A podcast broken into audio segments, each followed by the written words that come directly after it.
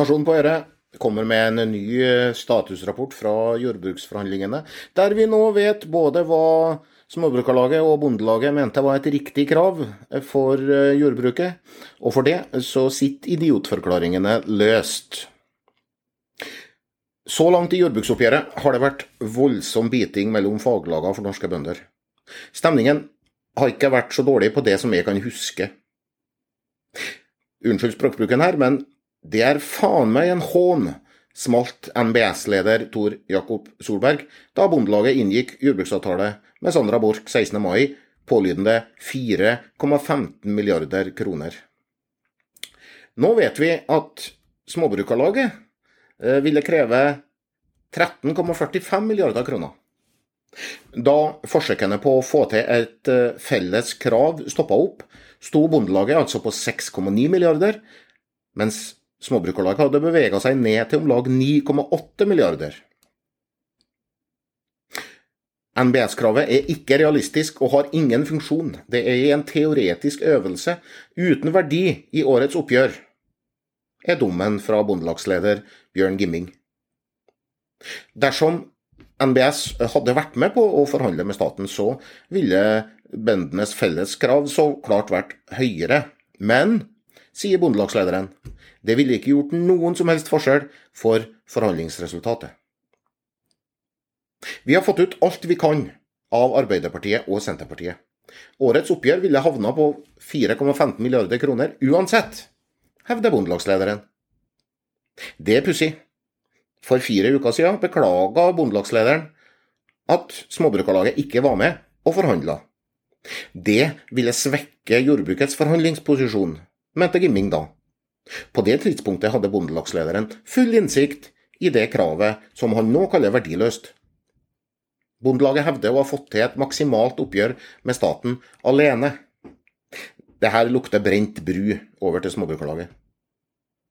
I år kunne staten velge å forhandle enten med Småbrukarlaget eller Bondelaget. Sistnevnte ble valgt fordi Bondelaget forholdt seg lojalt til forhandlingssystemet. Sandra Borch kunne ha lagt andre kriterier til grunn, f.eks. lojalitet til Stortingets vedtatte jordbrukspolitikk. Småbrukarlaget sitt krav retter seg spesifikt inn mot målene i denne politikken. Stortinget har to ganger vedtatt 50% selvforsyning av mat. I 2021 la Stortinget på et mål om tetting av inntektsgapet. Senterpartileder Trygve Slagsvold Vedum har varsla at Senterpartiet vil tette gapet på fire til seks år. Venstreopposisjonen på Stortinget, som kan gi regjeringa flertall for jordbruksoppgjøret i år, har sagt at Bondelagets krav på 6,9 milliarder var lite, sett i lys av de politiske målene som det skal oppfylle.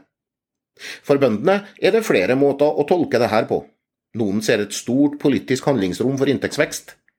Andre ser en trussel mot forhandlingsinstituttet. SVs nestleder Torgeir Knag Fylkesnes sier at ramma på 4,15 milliarder er så liten at den bryter enigheten med SV og Hurdalsplattformen når det gjelder jordbrukspolitikk. Sitat dette er noe partiet ikke vil gi seg på, sitat slutt, sier Fylkesnes til NRK. Det gjenstår å se hva SV vil kreve av millioner, eventuelt milliarder, når oppgjøret kommer til Stortinget. Niks, sier Senterpartiets forhandlingsekspert Geir Pollestad. Den fremforhandla ramma blir stående. Det finnes kompromisser her. SV kan velge å stemme for avtaleramma som den er, hvis regjeringa forplikter seg til å ta grep under budsjettbehandlinga i høst som gir bonden økt inntekt i 2024. Økt toll på jordbruksvarer gjør f.eks. at bøndene kan ta ut høyere pris på sine produkter enn hva avtalen sier.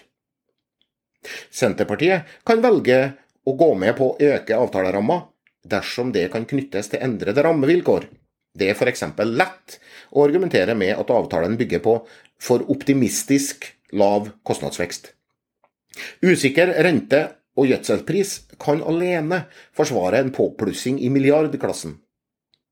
Den inngåtte avtalen mellom Bondelaget og staten blir da oppdatert av Stortinget. Den blir ikke overprøvd. Om kostnadene viser seg å ikke stige så mye, så er jo ingen skade skjedd. Bøndene har da bare fått en litt raskere tetting av et inntektsgap som uansett skal tettes. Slik kan ingen hevde at forhandlingsinstituttet er krenka. Ja, ikke at det er sannsynlig at bøndenes forhandlingsrett med staten forsvinner. Frp er det eneste partiet på Stortinget som vurderer det. Og Frp har 12% oppslutning. Vi får aldri vite om Norsk Bonde- og Småbrukarlag kunne ha fått forhandla ut flere kroner til bøndene fra staten i år.